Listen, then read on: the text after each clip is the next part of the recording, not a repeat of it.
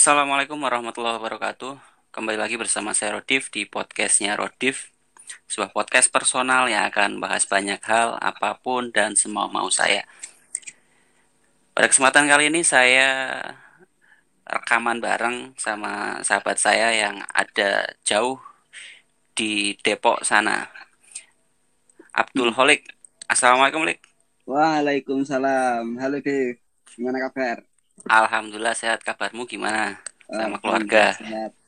Tapi sehat sih, tapi nggak patah hati ya. Waduh, ini belum belum udah langsung dikasih apa tembakan ini bahaya ini. Jadi Holik ini kita dulu kenal karena satu organisasi ya PMII. Hmm. Saya di UNS dan Holik di di UI sana. Ada perantara lah ya yang bisa Iya. Mengenalkan kita tapi ya kalau bisa jangan Iya, Nggak usah perantaranya, ya perantaranya PMII maksudnya. Kamu Oh, terlalu i- i- terbawa emosi. Waduh, waduh. ya Perantaranya perantaranya tuh PMII. betul betul betul Dulu sekali. ada Oke. satu ini ya, satu konferensi di mana sih di Semarang UNS. Tem enggak tempatnya dulu di Mojokerto Jawa Timur. Oh iya, Mojokerto. Sana tapi Holik nggak ikut ya dulu waktu itu. Oh iya, yang Terus, ke Mojokerto aku nggak ikut sih. hmm, Pantes iya kok kan nggak. Pantes kok nggak ini. Nggak ingat aku. Oh, lah iya dari sana akhirnya kita punya jejaring pertemanan antara UNS Oh, dengan iya. UI Itu dan gimana Sam- ceritanya ya kok Mojokerto? Aku kan ikutnya yang di oh, Semarang. Semarang. Kamu ikut di Oh. Mojokerto. Nah, Kok kita itu bisa kenal ya? ya ya ada lah pokoknya karena Hmm. dari situ Oh, kamu kita main ke Depok. ya ke Depok terus ya sekadar Iya. silaturahim gitu. Oh, dikenalin sama si itu, sahabat ya, sahabat Pat Patrick, Patrick, Iya, Patrick. Oh, ya kan? Patrick terus juga ada saya juga kenal sama Ya Akbar kan? dan Kan lain. mancing-mancing kan, mancing-mancing kan? Loh, saya nggak mancing-mancing. Pengen banyak. dibahas oh. Oh, ampun, ampun. Ya ada banyak sahabat-sahabat di UI yang kemudian saya kenal dan sampai sekarang alhamdulillah masih jalin komunikasi termasuk salah satunya Holik ini gitu yang sekarang dia sudah berumah tangga dan tinggal di Depok dan punya banyak aktivitas juga Holik ini yang saya tahu dia pernah eh, kerja di sebuah perusahaan startup dan sekarang juga masih Lik ya Masih, masih. Eh, bagian apa Lik tugasnya Lik berarti Lik eh aku di dua startup sih. Satunya dulu co-founder di AWP, sekarang masih jalan, Accessible Planner. Tim satu aplikasi perencana keuangan gitu buat bantu para financial planner untuk bisa menghitung kebutuhan kebutuhan kebutuhan finansial mereka sih secara Mhm. keluarga ataupun secara personal gitu. Terus yang satunya lagi sekarang di bahasa.ai, artificial intelligence, kita bergerak di chatbot eh, membuat sebuah robot dalam chat WhatsApp yang bisa Mhm. menjawab secara otomatis gitu. Kalau di situ posisinya sih sebagai project manager. Jadi eh, sebenarnya di AWP juga masih jalan karena kan tinggal maintenance, tinggal tinggal eh apa ya jalan lah kalau untuk AWP. Tapi kalau untuk bahasa ini saya eh, bekerja untuk adik kelas saya. ya di sana Iya. cari pengalaman lah, cari pengalaman, cari cari apa ya namanya eh ya ilmu baru lah di sana. Karena eh, kalau di sana benar-benar saya ketemu orang-orang geek, orang-orang yang memang luar biasa gitu kan. Kita dengan sekitar waktu itu 15, sekarang ada 20 orang gitu kan kita bisa eh, dapat klien seperti Tokopedia, terus Dana, terus Bank Sinarmas. Ini lagi jalan sekarang Smartfriend mau live, jadi bisa beli pulsa dari Smartfriend, eh beli pulsa Smartfriend ataupun paket Smartfriend dari WhatsApp aja, jadi nggak perlu ke Indomaret ke apa nanti bayarnya bisa Mhm. pakai payment sistemnya ada OVO, GoPay dan sebagainya. Jadi tinggal lewat WhatsApp aja sih. Jadi sebenarnya kita emang coba memudahkan orang. Nah, di situ posisi saya sebagai project manager. Luar biasa.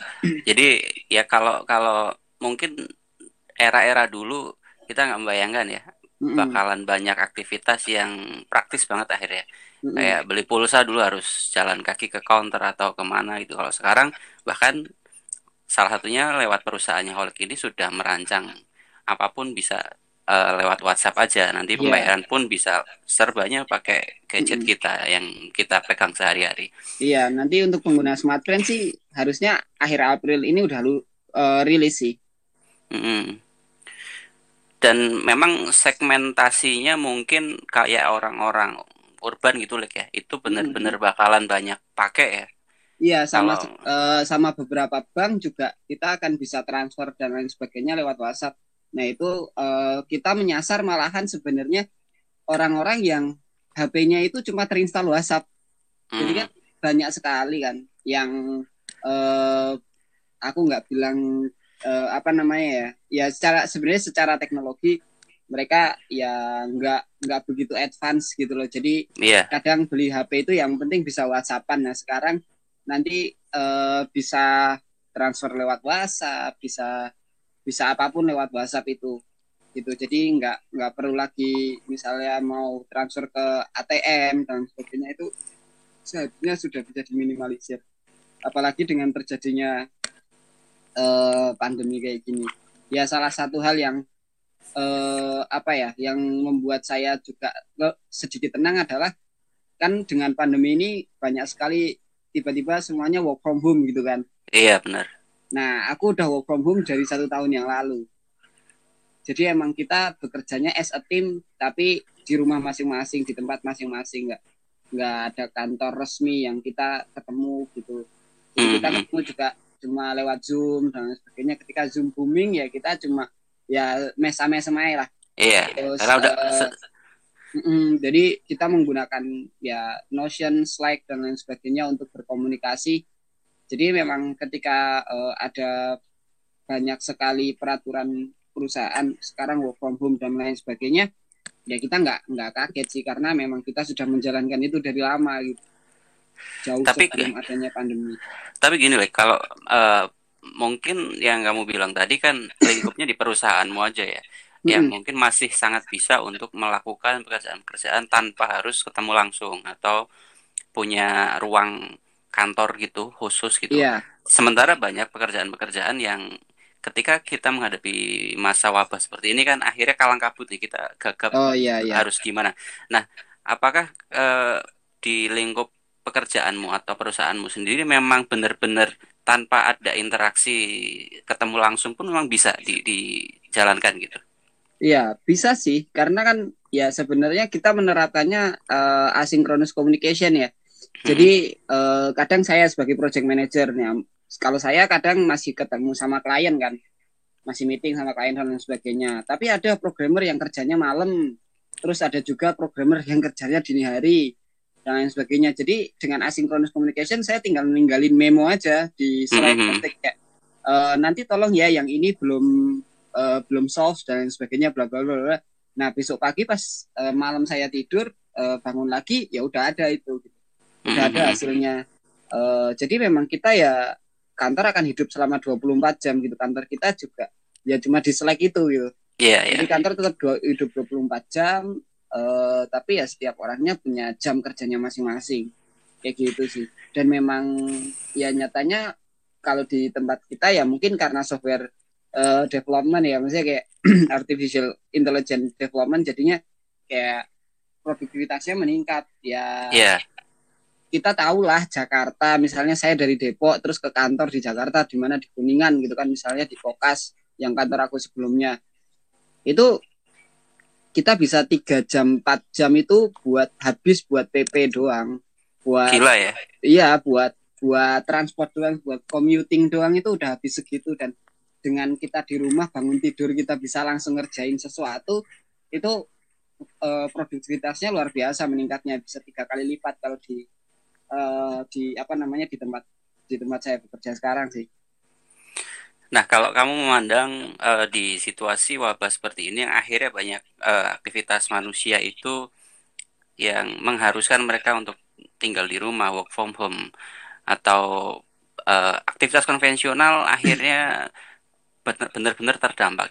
Nah, kamu memandang sebagai orang yang saya bilang mungkin praktisi ya kamu di sini ya. Mm-mm.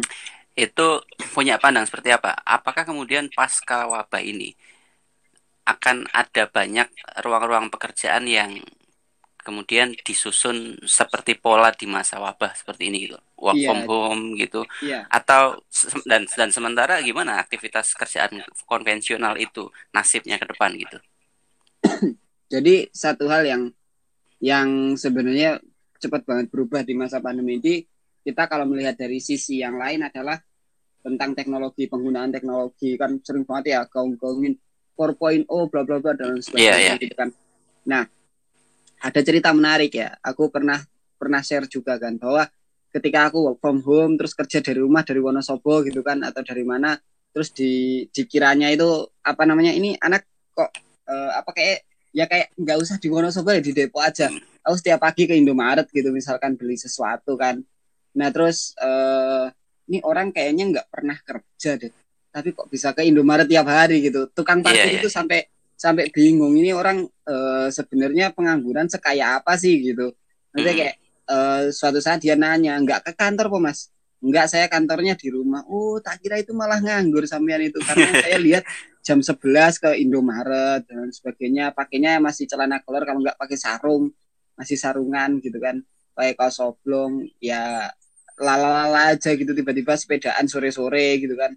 Jadi kayak kayak semacam semua orang sekarang eh, jadi sadar gitu bahwa oh ada tuh kerja dari rumah itu bisa tuh dan sekarang malah hampir seluruh hampir ya nggak seluruh sih tapi hampir sebagian besar dari perusahaan itu menerapkan itu. Kemarin pas awal-awal tuh aku mengisi beberapa seminar juga tentang eh, gimana sih work from home gitu kan. Dan bagaimana dampaknya untuk usaha-usaha konvensional gitu kan ya sebenarnya sekarang pasar aja ya udah menerapkan delivery dan sebagainya. Ya eh, kita tertolong dengan udah adanya eh, beberapa transportasi online dan lain sebagainya itu. Eh terus juga toko online yang menjamur dan lain sebagainya itu sebenarnya kayak Tuhan tuh udah udah mempersiapkan gitu loh. iya iya. Tuhan itu udah mempersiapkan dulu sebelum dia memberikan ujian kepada kita ataupun membuat sesuatu hal di dunia ini ya salah satunya pandemi itu Tuhan sudah mempersiapkan solusinya dulu sebenarnya. Eh, bagaimana untuk tetap bisa bertahan hidup gitu.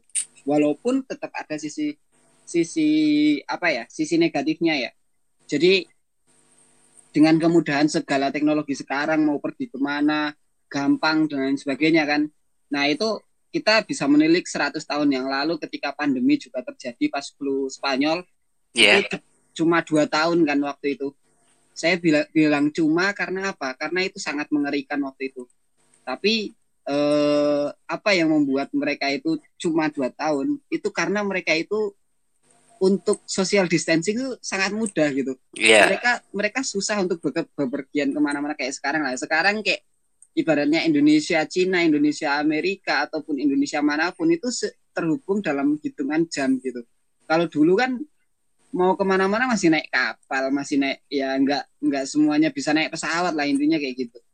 Jadi kayak semacam ya kalau ada prediksi bahwa pandemi ini akan berlangsung satu tahun dua tahun bahkan ada yang bilang sampai 2025 ya bisa jadi kalau orang-orangnya mulai bosen di rumah dan dan udah mulai keluyuran lagi dan sebagainya. Terus sekarang juga ada berita bahwa corona itu sudah bermutasi gitu kan? Iya.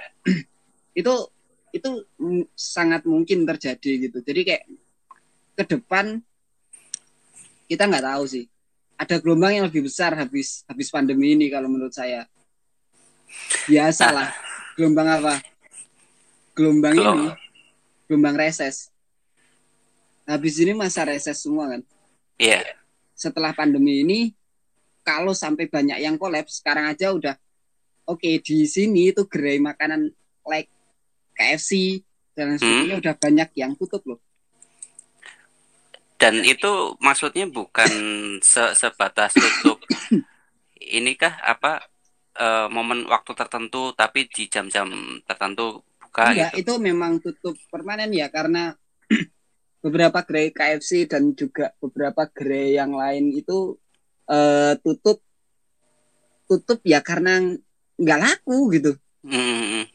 ya sekarang orang juga mikir kalau mau delivery makanan pun mereka takut makanannya juga kena virus Benar. atau apa pun gitu kan entah di kertasnya entah di apa plastiknya atau apa pun gitu Iya. Nah, karena gini juga, Lek. Aku kan juga profesinya sebagai pedagang ya. Apalagi aktivitas eh, cara dagangku masih konvensional. Ini kan terdampak betul nih aku. Tapi Iya, iya. eh, karena eh, Bayu gini, eh, bagi pribadiku nggak masalah karena mu- masih muda juga. Jadi ini anggap aja bagian memang tantangan hidup ada lika-likunya seperti ini. Mm-mm. Tapi yang aku lihat orang-orang yang mungkin sudah harus menanggung uh, keluarga gitu ya, anak istri. Sementara untuk mereka kenal dunia-dunia yang serba IT gitu ya, digital, digitalisasi itu kan masih jauh. Oke lah kalau mungkin seperti kalian yang segalanya siap, tidak masalah mau kerja di rumah itu tetap dapat penghasilan gitu. Bahkan di momen seperti ini akhirnya mungkin perusahaan justru dapat banyak klien klien baru mungkin ya. Mm-mm. Karena melihat wah ini kalau konvensional terus nggak bisa nih akhirnya kan minta dibikinkan program apa kayak lewat WhatsApp itu tadi seperti smartphone atau yang lain gitu. Tapi Hmm. kamu me- melihat fenomena masyarakat luas gitu loh. Itu Iya, seperti iya, apa iya. ya yang kamu lihat? Ya ini sebenarnya debatable sih. Kita nggak akan pernah menemukan kayak misalkan kayak kemarin larangan mudik atau enggak, terus larangan uh, work from apa di rumah aja atau enggak dan lain sebagainya itu debatable gitu kan. Hmm. kalau kita melihat dari dua sisi ya nggak akan pernah ketemu gitu. Ini itu sebenarnya satu kondisi di mana ya udah emang dari zaman dahulu zaman ya ibaratnya dari zaman bahula gitu kan Zaman apa? zamannya zaman Nabi Zaman- Adam ibaratnya Benar. gitu jadi zaman Nabi Adam setiap setiap pendapat ataupun setiap sesuatu hal itu pasti ada yang suka ada yang enggak ada yang pro dan kontra gitu Mm-mm. kan nah kalau kamu tanya bagaimana pandanganku sekarang itu kayak semacam gini ya eh ya sekarang semua orang dipaksa untuk mengenal itu. Semua orang harus dipaksa eh, apa semua orang seperti dipaksa untuk mengenal teknologi. Setiap orang dipaksa untuk ya kayak gini deh. Dulu sistem barter tanpa uang itu berjalan. Terus tiba-tiba dengan adanya uang setiap orang dipaksa mau nggak mau mengenal uang. Nah aku ngerasa pandemi ini juga juga seperti itu di lain sisi gitu loh. Bahwa kita dipaksa yang yang konvensional bukan dipaksa ibaratnya dipaksa untuk pindah. Tapi mau nggak mau sekarang.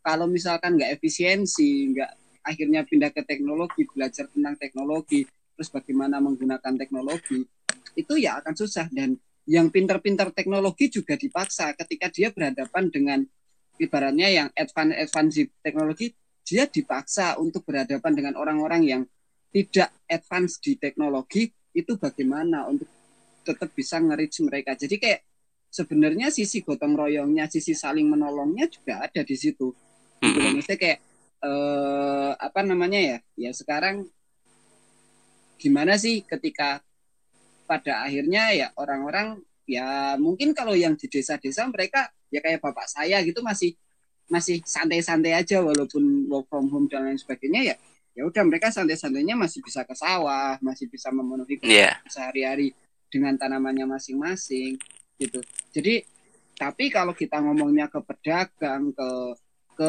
ke sisi bisnis yang di bawah lah ibaratnya gitu kan sebenarnya nggak di bawah juga ya orang seke- sekelas artis saja sangat terdampak kan orang Iya, yang, benar. eh, temen ada ya maksudnya aku tadi baca Twitter atau apa yang temennya 80 namanya? juta itu ya. 80 juta terus ya eh, dia tiba-tiba dipecat terus dia bingung dengan cicilannya dan lain sebagainya jadi semuanya tidak eh, itu terdampak bagi bagi seluruh pelaku atau penggiat bisnis yang berhubungan dengan ya apa ya ya berhubungan dengan orang lain gitu yang bukan produsen lah intinya kayak gitu Iya. kalau produsen kan dia masih bisa eh maksudnya produsen tuh di sini juga produsen pangan sih sebenarnya karena Hmm. pada akhirnya kebutuhan kita dalam 2-3 tahun ke depan yang paling signifikan itu masalah pangan. Cocok dengan adanya adanya pandemi kayak gini kebutuhan ya ya sekarang yang yang tidak begitu khawatir adalah orang-orang yang memproduksi pangan. Kayak gitu kan memproduksi uh, makanan maksudnya kayak makanan-makanan yang dari alam kayak misalnya sayur hewan dan sebagainya. Itu sih. Jadi ya mau nggak mau sih kita mau debat atau ibaratnya debatable atau enggak tapi menurutku itu yang paling itu yang paling signifikan yang terlihat sangat terlihat berubah. Contohnya zoom. Misalnya zoom tuh ya pas zaman aku make work from home dan sebagainya sampai sekarang adanya pandemi itu penggunanya bisa meningkat sampai 10k kali lipat. Gila ya. Kali lipat. Gitu kan. Terus kayak tiba tiba-tiba WhatsApp yang tadinya bisa telepon bertiga berempat doang sekarang udah bisa berlapan gitu kan video call Iya. Itu semuanya Mark, Mark Zuckerberg merasa iri sama telekonferensi. Iya. kan? Iya, soalnya Zoom dan iya. Google. Iya, uh, uh, Zoom, Google, terus Microsoft ada Microsoft Teams dan lain sebagainya. Ya semua orang pada akhirnya ke situ kan. Nah itu sama ketika di ibaratnya kayak jenengan lah berdagang di pasar biasa nih. Mau nggak mau ramalan Jayabaya yang bilang bahwa engkau suatu saat pasar itu hilang kumandangi gitu kan. Hmm. Ya ini salah satu hal yang terjadi gitu loh menurutku bahwa memang benar-benar orang mau pergi ke pasar juga takut kan ya mau nggak mau gitu mau nggak mau uh, menggunakan marketplace gitu kan yeah. sekarang itu nggak cuma telekonferensi marketplace jasa antar barang dan lain sebagainya itu sudah menjadi ya menjadi primadona lah sekarang yang misalnya kita ngomong di bursa saham itu naik ya mau nggak mau juga sistem barter dengan tetangga dan sebagainya akan terjadi kalau ini ber, berlangsungnya lama naudzubillah min dzalik ya yeah, yeah. cepat-cepat selesai gitu.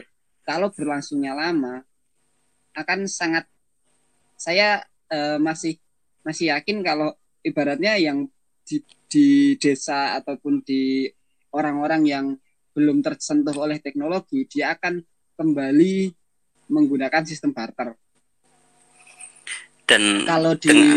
uh, di sisi yang maksudnya kayak urban udah urban dan sebagainya yeah. mereka akan akan ke teknologi tapi kalau yang memang nggak menyentuh teknologi pada akhirnya akan ada sistem barter menurutku ya kayak misalnya gini lah aku aku memandang ya masa-masa sekarang kayak marketplace juga mungkin sedang banyak dapat untung ya dapat momentum gitulah mm-hmm. tapi ketika uh, tabungan orang-orang ini memang masih ada gitu kita kan nggak tahu nih ini tuh masa seperti ini mau bertahannya sampai kapan uh, dalam waktu singkat atau lama. Ketika akhirnya tabungan mereka udah nggak ada kan mereka akhirnya ya mau beli nggak bisa, orang yang jual akhirnya nggak ada yang beli. Nah uh, karena dapat momentum aja, orang-orang masih punya banyak tabungan, akhirnya aktivitasnya masih ada. Nah kalau sampai sudah benar-benar habis bisa jadi akhirnya barter. Nah tapi uh, aku sih melihatnya gini, ketika ini tuh kemudian berlangsungnya cepat ya, akhirnya mungkin akan ada banyak pola yang benar-benar berubah. Kita menjalankan sesuatu yang new normalnya orang-orang akhirnya kalau mau beli nggak harus ke pasar, tinggal yeah. pakai marketplace gitu. Mereka tetap bisa bekerja mm -hmm. lewat apa pun gitu, tapi yeah. marketplace akhirnya menjadi sarana utama mungkin. Yeah. Aku nah, tadi bilang sebagai sebuah hal yang ekstrim si barter itu sebenarnya. Yeah. Maksudnya itu sangat ekstrim sekali ketika semua orang uh, ya ya beruntunglah anda yang misalnya beruntunglah uh, manusia yang masih punya kampung halaman kalau yang udah di kota udah susah oh pernah nonton film ini nggak yang aduh judulnya apa ya survival family belum di, belum pernah tentang apa di, tuh uh, film Jepang yang hmm. bercerita tentang mati listrik selama dua tahun di Jepang belum belum pernah nonton gimana itu, tuh? Ya intinya sih gara-gara mati listrik blackout gitu tapi selama dua tahun jadi ya kota mati semuanya. Iya benar. Dan dia berjalan, maksudnya satu ya. keluarga itu berjalan mau ke kampung halamannya si ibu gitu. Iya. Itu perjalanannya sampai hampir empat bulan naik sepeda dan jalan kaki. Tapi ya mudah-mudahan aja sih ya ini ini nggak nggak sampai lama lah meskipun banyak orang-orang yang prediksi sempat juga saya lihat di Telegraph apa ya berita di Telegraph Amerika itu bilang bisa jadi kalau penanganan di dari negara-negara terhadap wabah ini masih gini-gini aja sampai 2022 itu hal yang rasional gitu. Iya, makanya itu maksudnya kayak uh, ya semua perusahaan termasuk perusahaanku, perusahaan ya semua perusahaan-perusahaan besar juga paling setahun dua tahun bertahan untuk bisa bertahan dengan dana cadangannya gitu loh. Iya. Dan enggak ya apa namanya ya pada akhirnya sih ini sih ya walaupun sebenarnya kita juga nggak perlu begitu takut dengan hal itu. Tadi kan yang kita ceritain semuanya hal-hal ekstrim gitu ya. Mm-hmm. Karena eh, sekali lagi manusia itu punya satu kemampuan berpikir yang luar biasa. Jadi menurutku akan tetap ada solusi yang mungkin terjadi untuk kondisi-kondisi seperti ini. Tapi mungkin memang banyak hal yang akan berubah. Wis pasti itu pandemi itu akan selalu merubah zaman. Mungkin saja setelah ini orang-orang postmodern postmodern uh, masuk ke era-era postmodern. Mm-hmm. Jadi kayak semacam kembali lagi mereka ke zaman-zaman di mana uh, meninggalkan teknologi bercocok tanam, melakukan slow living gitu dan sebagainya. Itu itu mungkin banget sih terjadi. X X ekstrimnya lah ya kayak gitu. Iya, maksudnya kayak Mm-hmm. apa namanya? ekstrimnya kayak gitu ya. Kalau kalau ngelihat habis ini tuh ya, kalau misalnya pandemi ini ber kan kayak sekarang eh, di wisata juga terdampak, semuanya terdampak. Ya dengan sifat sifat manusia-manusia Indonesia yang konsumtif ini habis ini ambrol wis kayak kayak banjir wis. Iya, iya. yang biasa seneng dolan, seneng traveling ya akan traveling, yang biasa seneng belanja akan belanja, yang biasa seneng ini. Jadi yang perlu ditakuti memang sebenarnya kalau aku malah lebih melihatnya di masa resesnya dengan banyaknya yang di rumah kan dengan banyaknya perusahaan yang bangkrut ataupun apa pun itu di perkotaan masa reses ini bisa lebih lebih parah gitu loh walaupun untuk peluang usaha itu besar tapi untuk orang-orang yang frustasi juga sangat besar Mm-mm. Dan a- akibatnya kriminalitas itu sesuatu yang tidak bisa dihindari bakalan Iya. banyak hadir gitu loh.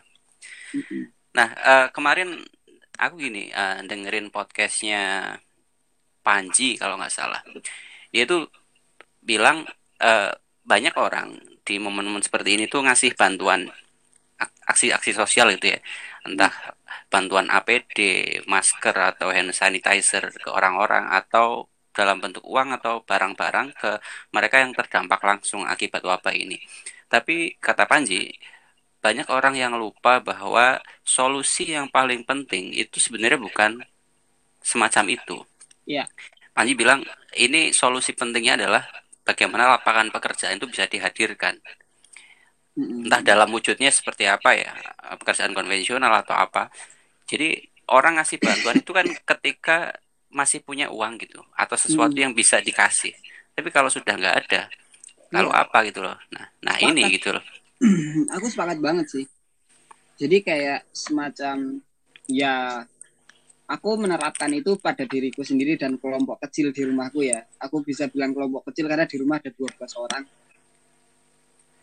Gitu kan. Eh, Mhm. apa namanya yang aku lakukan sekarang kan kayak ya udah aku tetap bekerja sebagai seorang project manager gitu kan.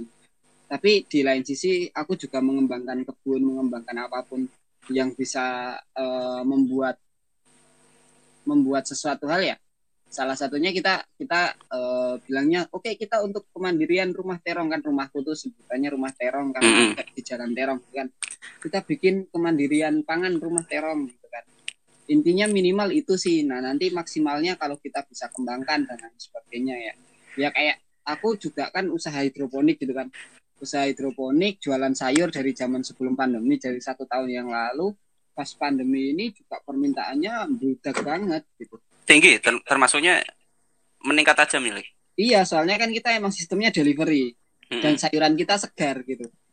Jadi orang jadi orang seneng gitu kan, masih kayak eh, menunggu itu gitu. Jadi memang kondisinya adalah ya udah kita coba provide sayuran-sayuran itu eh, bisa dinikmati oleh orang-orang kayak gitu. Cuman memang kondisinya ya apa ya? Aku juga mikir ini ini sampai daya beli kan emang sayuran hidroponik jadinya kayak mahal gitu kan Iyalah. Eh, satu kilonya itu kita harganya itu 40 sampai 60 ribu tapi ya tetap laku sekarang laku keras. Cuman kan aku nggak tahu daya daya beli masyarakat ataupun daya beli pelanggan ini sampai kapan. Mm-mm. Dan segmentasinya kan bisa dibilang eksklusif ya ke orang-orang kalangan tertentu saja, bukan sampai masyarakat luas lah mungkin. Iya, jadi makanya kita juga kemarin coba uh, menghidupkan kembali tanah-tanah di sekitar untuk kita tanemin sayuran dan lain sebagainya ya sebenarnya itu sih karena ya nggak tahu gimana nanti ke depannya sih. Tapi minimal itulah. Ya apa namanya emang ya sekarang kondisinya nggak nggak nggak nggak bisa di apa ya nggak bisa diprediksi lah Iya, iya. dengan kondisi-kondisi kayak gini. Kita kita cuma bisa berasumsi dan cuma bisa berdoa gitu. Tapi kalau aku sih memilih untuk tidak banyak berasumsi. Aku aku memang belum sampai ke titik memikirkan kehidupan orang banyak gitu loh Mhm. aku masih ke titik bagaimana anak istriku bisa makan eh, anak-anak asuhku adik-adik asuhku bisa makan yang di rumah ini dan sebagainya tetap terjaga gitu kan itu kayak semacam kondisi yang memang ya social distancing terus kita suruh di rumah aja. Ya aku cuma bisa melaksanakan itu gitu. Aku di rumah aja gitu kan. Anak-anak juga di rumah aja bikin bikin satu hal yang ya akhirnya berguna ya kemandirian itu tadi sih berguna untuk dirinya sendiri dulu aja gitu kan. Kita bisa menolong orang ya kita pastikan ketika kita mengirimkan sayur atau kita mengirimkan apa pun dalam kondisi higienis dalam kondisi bersih. Ya karena apa? Karena kalau tadi Panji bilangnya ya bukan dengan memberikan bantuan dan sebagainya tapi dengan menciptakan lapangan kerja kalau aku lebih mikir ke hal yang lebih mikro lagi gitu loh lebih mikro lagi yaitu adalah gimana caranya kita menahan diri untuk tidak menjadi carrier. Gimana kita caranya menahan diri untuk tidak membuat hal eh, orang-orang yang positif corona itu meningkat PDB itu meningkat dan sebagainya ya dengan mengisolasi diri sendiri gitu kan ya paling itu tok sih masih bisa aku lakukan karena mau gimana lagi gitu. Nggak bisa berbuat banyak arak to- ko- koar-koar sopo kowe gitu kan. Iya, mau iya, ngomong sama orang banyak siapa kamu mau ini. Jadi ya untuk orang-orang biasa kayak kayak aku aku inilah. Ya kalau bisa ya udahlah turuti aja dulu eh prosedur-prosedur yang ada untuk menghadapi ini. Itu sih sebenarnya karena kalau kita berpikir tentang keluasan maksudnya kayak eh, menghimbau ke yang lain dan sebagainya itu pemerintah udah menghimbau sampai melarang jadi tinggal kalau kalau bisa ngomong ke orang banyak itu cuma eh, ayolah timbulkan kesadaran masing-masing wis menurut tok. ya aku sadar sesadar sadarnya bahwa banyak orang di luar sana juga nggak punya privilege kayak aku gitu kan Mhm. Maksudnya eh, ada yang dipecat, ada yang di ini, ada yang itu. Tapi kesadaran itu seharusnya membawa dia untuk bisa bagaimana untuk tidak melanggar melanggar ibaratnya prosedur yang ada, tapi tetap bisa bertahan untuk hidup gitu. Ya paling enggak biar enggak makin men- menjadikan mudorot itu lebih luas lagi gitu ya, lebih besar Iya. lagi.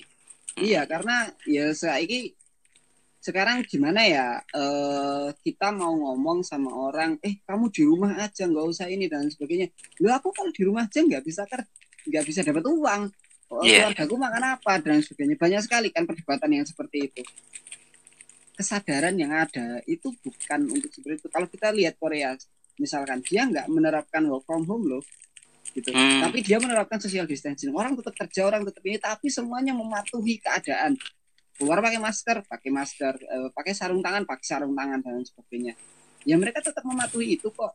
Gitu maksudnya kayak makanya sebenarnya ya kalau lu nggak bisa keluar dengan prosedur yang ada, mending lu di rumah. Kalau emang lu harus keluar, ya udah, tolong ikut ikutin prosedurnya. Intinya ngono. Kesadaran itu bukan berarti kamu harus sadar dan kamu harus di rumah. Jangan jangan di jangan dilanjutkan sampai sana. Yang penting kamu harus sadar terhadap siapa diri kamu. Nek kamu bisa di rumah ya di rumah, kalau nggak bisa di rumah ya ikuti prosedur yang ada. maksudnya kesadaran itu di situ. Timbulnya Cocok. kesadaran. Kesadaran itu di situ. Gitu. Kamu mau berjualan mau ibaratnya tetap melakukan hal-hal konvensional nggak masalah. Sing penting kamu sadar bahwa covid ini pandemi ini itu berbahaya. Dan kamu harus ikutin prosedur supaya tidak menjadi madorot buat diri kamu sendiri dan lingkunganmu orang lain. Intinya kan kayak gitu sebenarnya. Jadi lebih ke kesadaran kalau aku. Belum sampai ke lapangan kerja belum sampai ke mana-mana tapi kalau kita punya kesadaran masing-masing kita punya kesadaran untuk membantu tetangga kita bisa mempunyai kesadaran untuk membantu saudara kita mempunyai kesadaran untuk menjaga diri kita mampu mempunyai kesadaran untuk bisa menghadapi virus ini selesai jadi intinya di kesadaran masing-masing nah masalahnya beberapa kondisi terakhir di Indonesia itu banyak yang sentimen politik, banyak yang sentimen agama, banyak yang sentimen macam-macam yang pada akhirnya ketika orang itu tidak suka dengan orang itu pendapat sebetul apa pun ya akan menjadi kebetulan aja buat dia. Iya. Di- Ditahan dulu kita perlu jeda sejenak. eh, ada pesan-pesan yang mau lewat.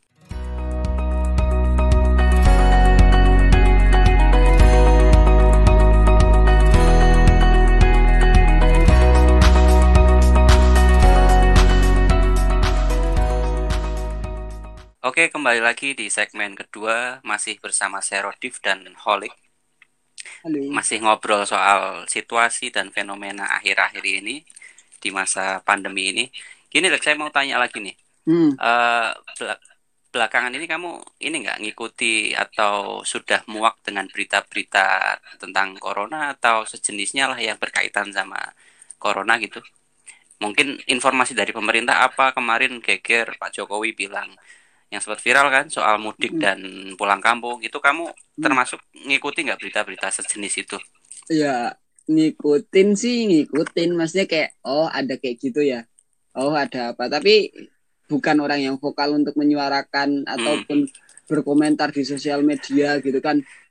Karena aku cuma satu sih ya itu tadi kembali ke diri masing-masing.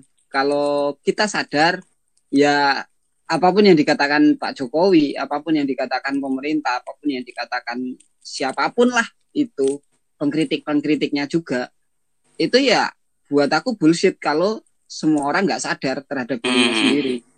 Aku ngikutin ngikutin tetap maksudnya kayak ah, ah ya ketawain aja. Apa sih ketika ya misalnya kayak kemarin ada staff sus juga yang sampai mengundurkan diri dan lain sebagainya. Aku ngikutin ngikutin aja. Sebenarnya apa sih yang membuat karena aku ngeliat orang-orang yang ada di sosial media ataupun ya para pakar ataupun apa pun itulah ya mereka punya harusnya punya kapasitas kalau yang punya kapasitas ya saya dengerin. Kalau mereka nggak punya kapasitas ya sambil lalu aja. Ngapain ngabisin energi untuk hal-hal kayak gitu? Mm-mm. gitu loh mesti nek ngikutin ngikutin tetap cuman nggak pernah berkomentar untuk hal-hal kayak Iya, gitu. komentarnya Nah. cuma satu ketika ditanya siapa pun ya ya semua itu akan bullshit ketika lu nggak sadar terhadap kewajiban lu sendiri kayak gitu Nah, eh, terus gini, apa yang sudah dilakukan pemerintah dengan kebijakan-kebijakannya untuk nanganin masalah ini? Kalau pandanganmu sendiri sebenarnya sudah ya ya sudah memang mungkin pemerintah bisanya seperti ini, oke, kita ngikut aja atau kok bisa sih kok seperti ini? Harusnya kan lebih eh, cekatan, lebih bisa alternatif kebijakan yang seperti ini, seperti itu kah? Nah, kamu eh, orang yang di masa sekarang ini ya sudah pemerintah kita coba kasih kesempatan dan kita percaya gitu. atau cenderung mau dalam pikiranmu meskipun tidak kamu suarakan itu mengkritik banyak hal dari apa yang dilakukan pemerintah. Hmm, ya. Ya kalau aku intinya gini sih. Setiap setiap elemen itu punya sisi baik dan sisi buruk. Sisi baiknya diambil, sisi buruknya ya sudahlah gitu. Intinya kayak gitu sih. Jadi Hmm. misalnya pemerintah ya untuk yang setuju dengan adanya sekarang ada PSBB, ada nggak mudik dan lain sebagainya, gitu kan beda mudik atau pulang kampung dan sebagainya. Intinya kan gini, sebenarnya eh, buat aku ketika alasan itu logis, ya wis, aku menerimanya. Tapi kalau alasan itunya eh alasannya politis ataupun nggak logis, ya wis, aku menentang. Tapi menentangnya paling aku cuma suarakan ke orang-orang terdekatku aja gitu loh.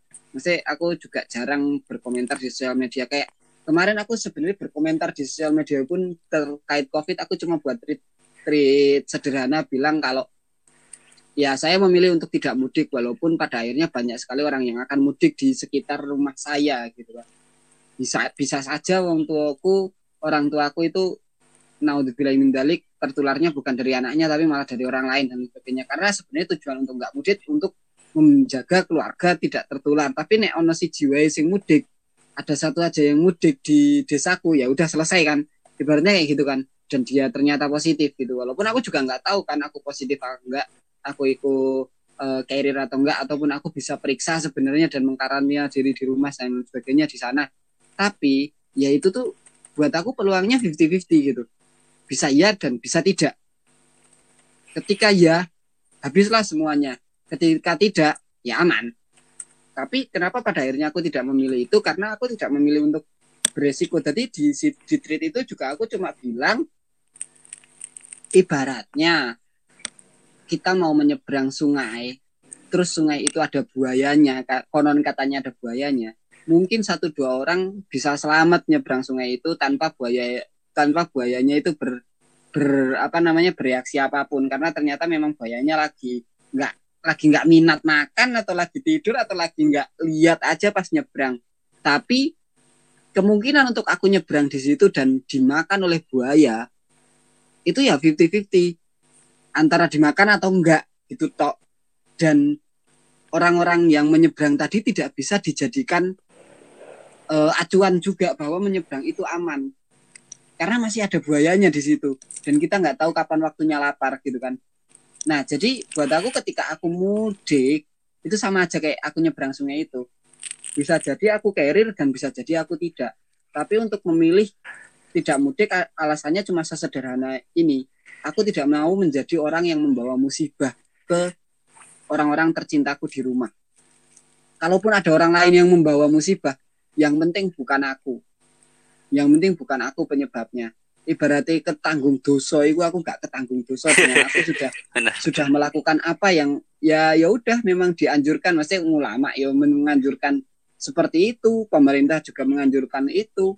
Ya buat aku kembali ke diri masing-masing, ke keyakinan masing-masing ya akhirnya seperti itu sih ketika menyikapi apa yang dilakukan pemerintah sekarang. Ya aku tahu pemerintah pasti pusing banget menghadapi yaitu tadi debatable-nya orang yang lah nek nang rumah terus ah, mangan opo. Iya. Yeah. Itu kan. Tapi mereka juga harus menghentikan virus ini.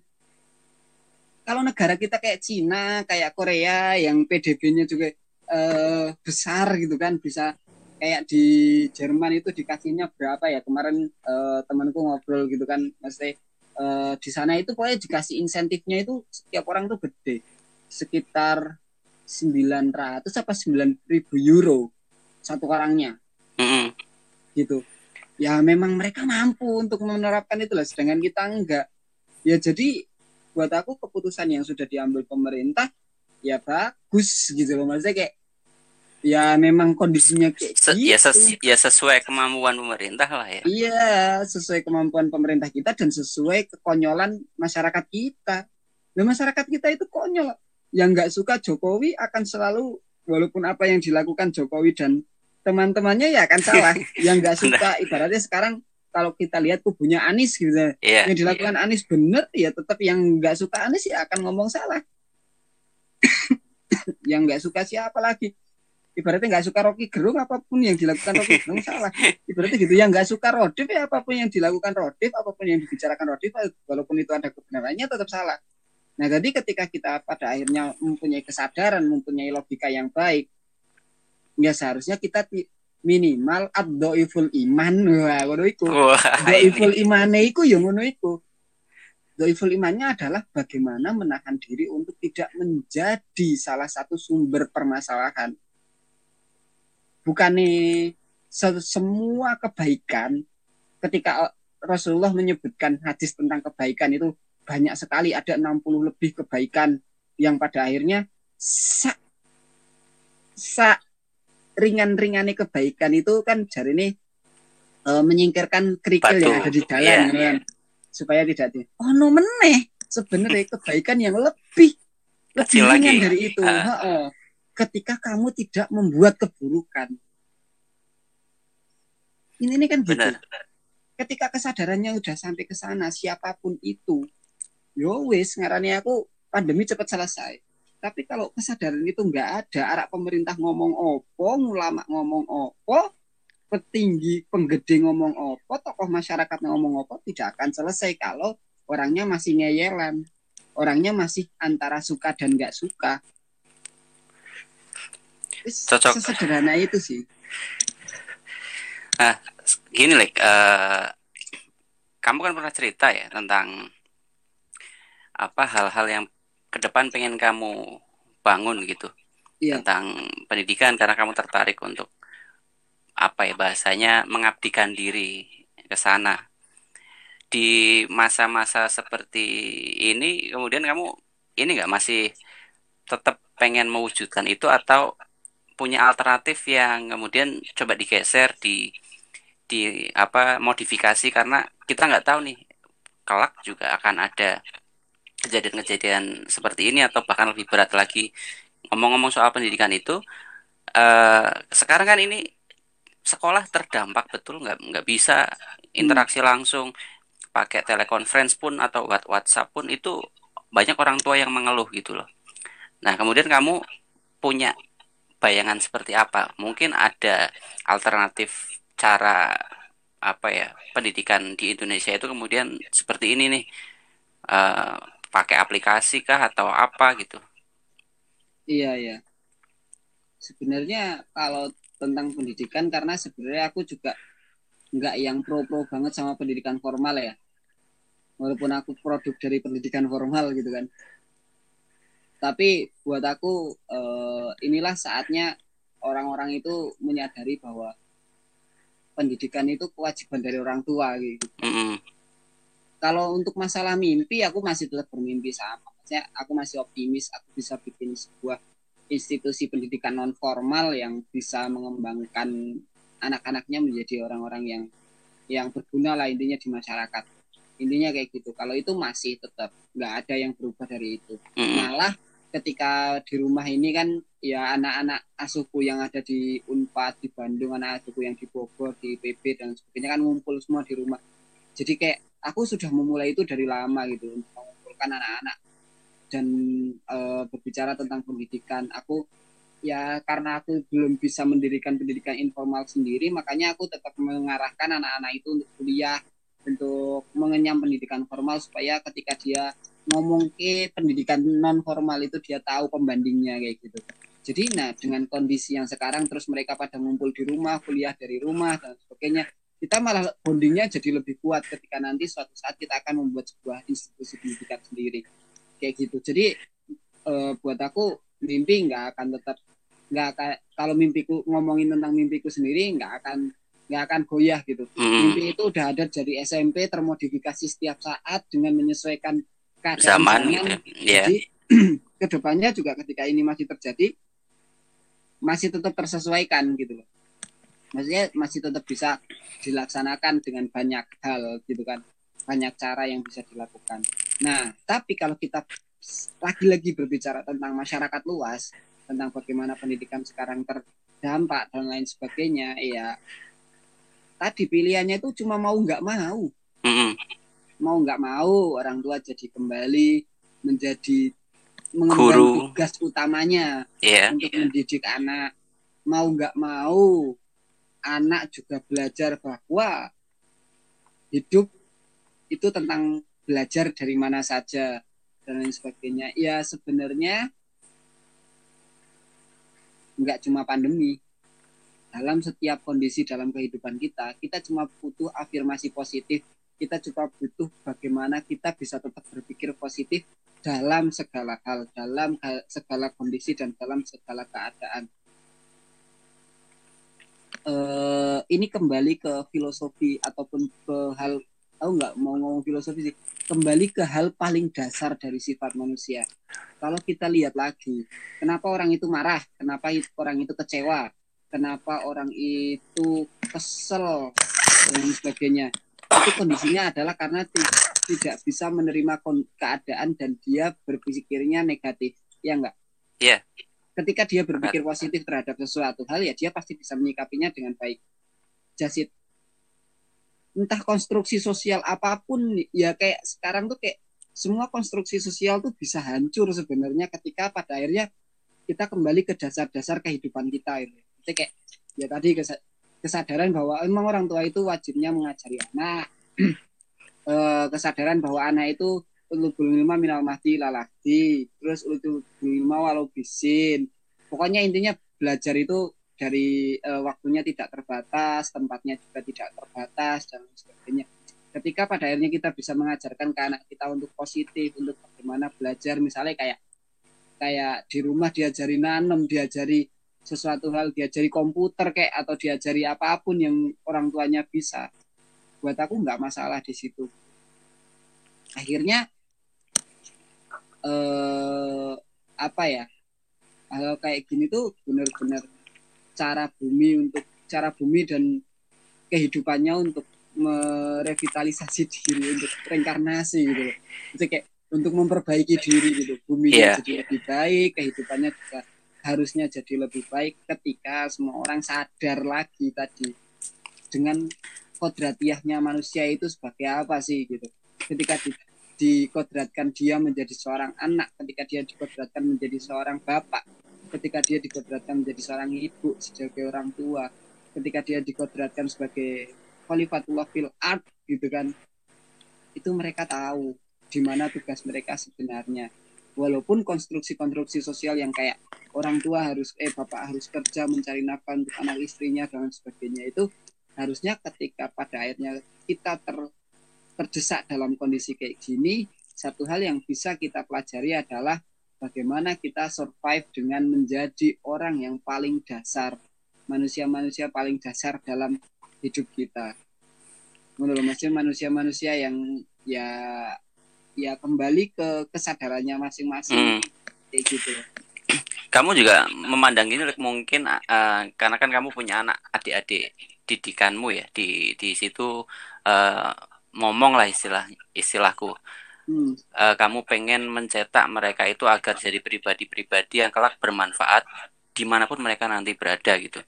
Hmm. Nah, uh, termasuk gini, apakah kemudian nanti itu akan ada banyak jurusan-jurusan atau ruang-ruang pendidikan yang akan benar-benar baru, misalnya, oh ya ya, sains akhirnya kayak dibutuhkan banget gitu loh.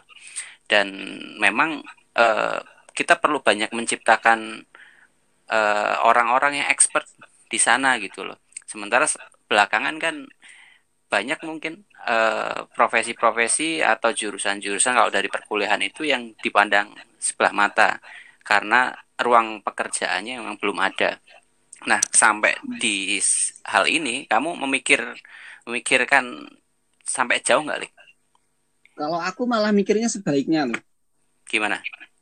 Kondisi-kondisi kayak gini akan membuat orang itu berpikir bahwa seharusnya ilmu-ilmu murni itu ilmu-ilmu murni, ilmu-ilmu yang tidak berkaitan dengan ibaratnya ya yang nggak bersentuhan langsung untuk mempelajari halal dasar dari sesuatu itu malah jadi penting. Mm-hmm.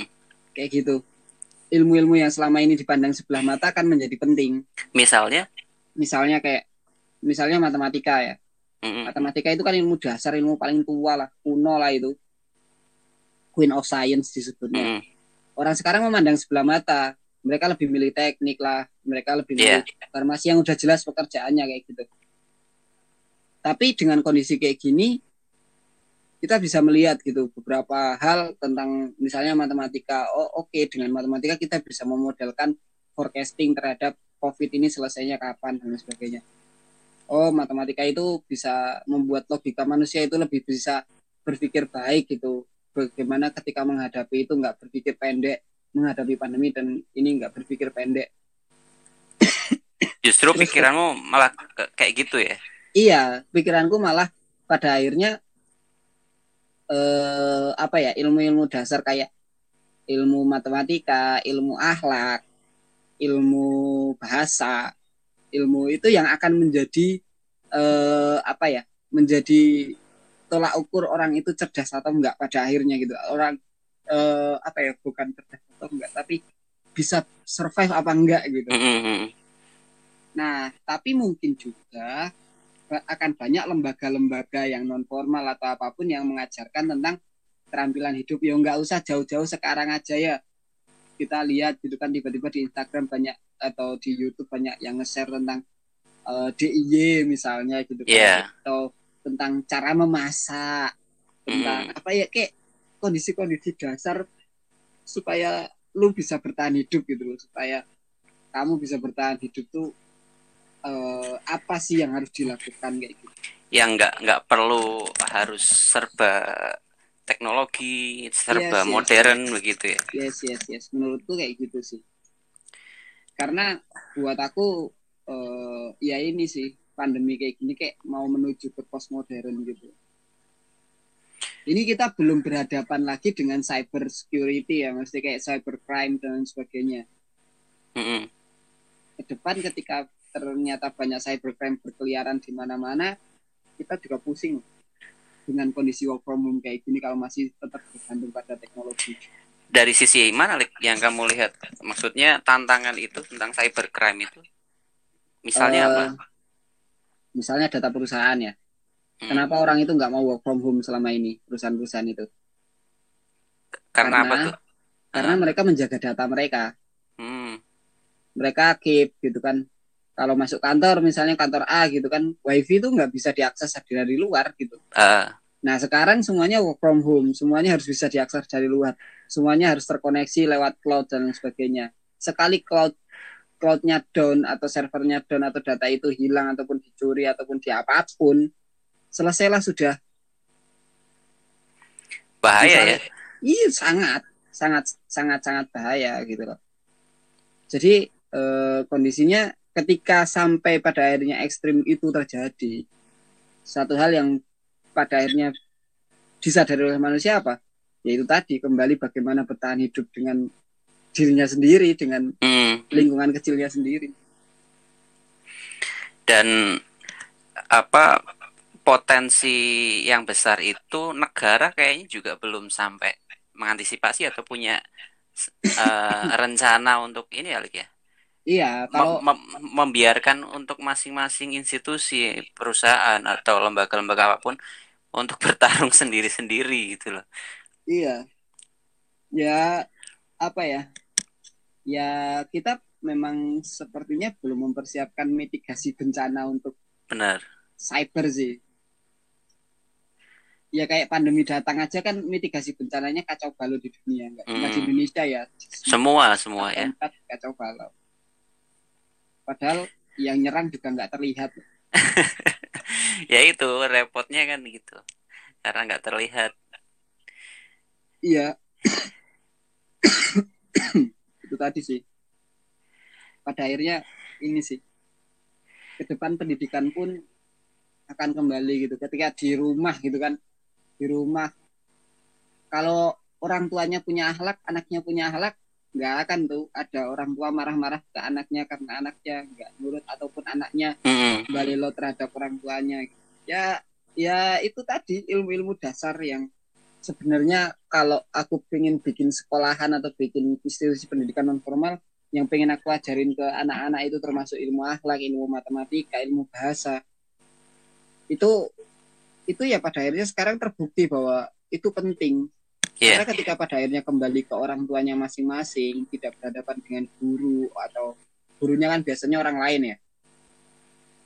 Itu semuanya kayak berasa berasa ngerasain ternyata oh iya penting banget ya ilmu ilmu apa ya ibaratnya ilmu dasar kehidupan gitu ya sebelum itu kita penting banget ya Eh, ternyata kecerdasan emosional itu penting banget ya dan lain sebagainya. Itu jadi terini semua kan.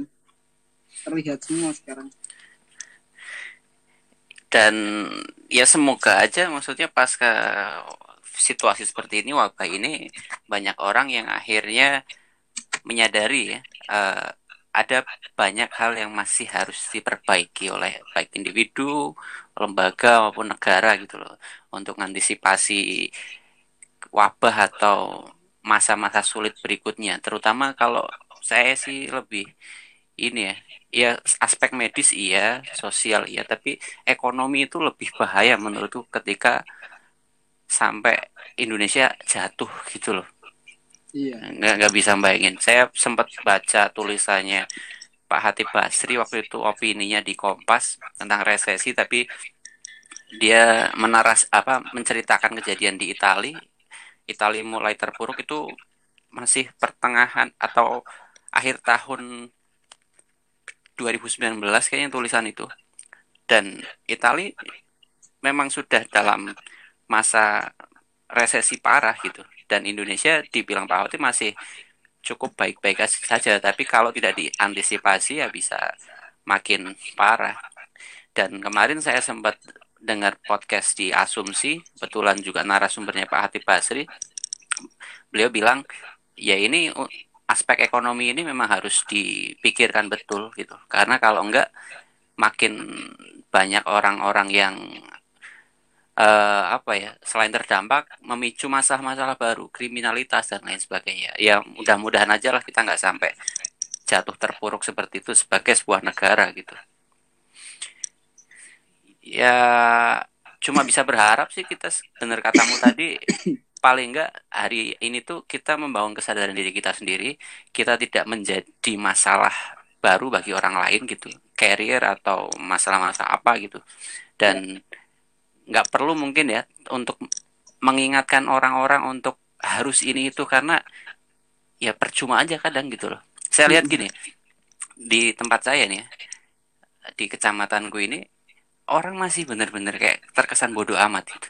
Mungkin satu hal virusnya belum masuk ke sini atau belum ada korban. Meskipun katanya ada sih tapi belum masif mungkin masih satu orang atau berapa gitu. Jadi merasa masih biasa-biasa aja. Misalnya saya kok jengkel saya komentar di sos sosmednya Pekalongan gitu. Kuat-kuat capek sendiri saya. Ya udah pilih pilihan saya ya udah biarin lah. Yang penting saya pilih di rumah atau keluar ketika memang butuh banget untuk keluar gitu ya harus menjadi pahlawan bagi diri kita sendiri dan keluarga kecil kita gitu kalau saya sih gitu akhirnya gitu di masa-masa seperti sekarang ini Makanya iya. termasuk aktivitas jual beliku, perdaganganku juga karena aku aktivitasnya di Jawa Timur, Solo gitu ya. Ini termasuk bisa dibilang mati gitu. Ya aku nggak nggak mau menyalahkan siapa-siapa. Ini semua orang nggak mau mengeluh merasa diriku paling apa ya terdampak itu karena orang-orang lebih banyak yang terdampak dan ya udahlah ini semua orang sedang mengalami sulit yang sabar aja gitu Iya benar. Ya pada akhirnya eh, apa namanya kita kembali ke diri kita masing-masing bahwa eh, untuk bisa survive itu memang pada akhirnya kembali ke kemampuan masing-masing mengelola emosi mengelola emosi mengelola diri. Ya sebelum kita beranjak untuk mengelola lingkungan mm -hmm. mengelola lingkungan kita kita harus selesai dulu dengan kondisi kita sendiri gitu. Kayak eh, jangan pernah berharap bisa jangan pernah berharap bisa memberikan bau wangi kalau kita sendiri masih bau busuk gitu. Intinya kayak gitu sih makanya eh, kalau ditanya hal kayak gitu selalu aku menjawabnya tentang kesadaran. Kalau lu udah sadar ya udah. Kita bisa sama-sama bangkit. Tapi kalau lu nggak sadar terus gua sadar ya minimal gua nggak bikin masalah kayak lu. Ininya kayak gitu kan. Mm, -hmm, benar. Ini nggak kerasa kalaupun gimana gimana gimana? Lanjut ya kalaupun pada akhirnya aku terdampak atas ulah lu yang nggak sadar ya minimal bukan bukan gua yang bikin masalah itu gitu. Aku cuma terdampak. Intinya yeah. pertanggungjawabannya juga pertanggungjawabannya juga nggak besar kayak gitu kan. Iya. Itu sih intinya intinya kesadaran lah kalau yeah, yeah, yeah. kondisi yang kayak gini. Gak kerasa kita ngomong udah satu jam ini.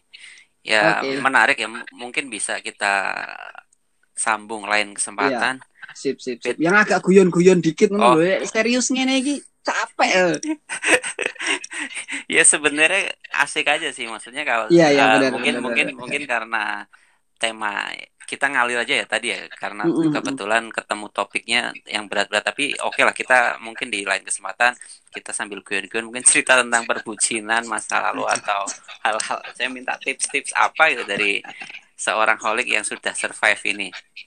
Ngomong-ngomong temanmu itu udah lahiran katanya ya. Iya iya iya iya iya iya. Ya. Benar benar benar benar benar. Ya saya ucapkan Ya. selamat gitu. Uh, nanti saya sampaikan atau mau sampaikan sendiri. Oh enggak enggak ya ya pokok saya ucapkan selamat dia kayak Oh, enggak, iya. enggak enggak dengerin lah kayaknya pokok selamat enggak enggak kerasa ya memang jalan Tuhan itu unik banget lucu kadang suka bercanda Tuhan Ya ya ya ya. ya. Kalau gini lah sukanya ngebully saya kalau babakan masa lalu ini berat, Oh berat. enggak enggak enggak. Aku tuh enggak enggak suka ngebully kayak gitu tuh. Cuma cuma sering ini aja sih. Cuma sering merasa enak aja kalau ngelihat orang tersiksa itu. kurang ajar. Oke, Lik, itu itu Oke. aja ya di kesempatan kali. ini. Makasih banyak Ya, udah ya. mau ngobrol bareng sama saya di podcastnya Rodif. Semoga Sip, sip, sip. keluarga dan adik-adik angkat dan siapa pun yang ada di lingkunganmu sana tetap sehat, aman, Amin selamat amin. Sama-sama selalu. doa Ya, yang ya. sama untuk kalian semua. Dan semoga masyarakat kita juga makin bisa sadar agar wabah ini tidak makin lama, tidak makin panjang. Ya ya. Oke, gitu aja pendengar podcastnya Rodif. Semoga apa yang kita obrolkan ini ada manfaat lah yang bisa Amin, amin. dipetik. Oke, cukup ya. Wassalamualaikum warahmatullahi wabarakatuh. Bye bye. Waalaikumsalam warahmatullahi wabarakatuh. Sun Lik, makasih banyak ngelain sama-sama. kesempatan ngobrol yang santai-santai. Ini juga tinggal 3% bateraiku. Oh, siap. Yo. Cukup ya. Sip. Makasih. Lik. Assalamualaikum.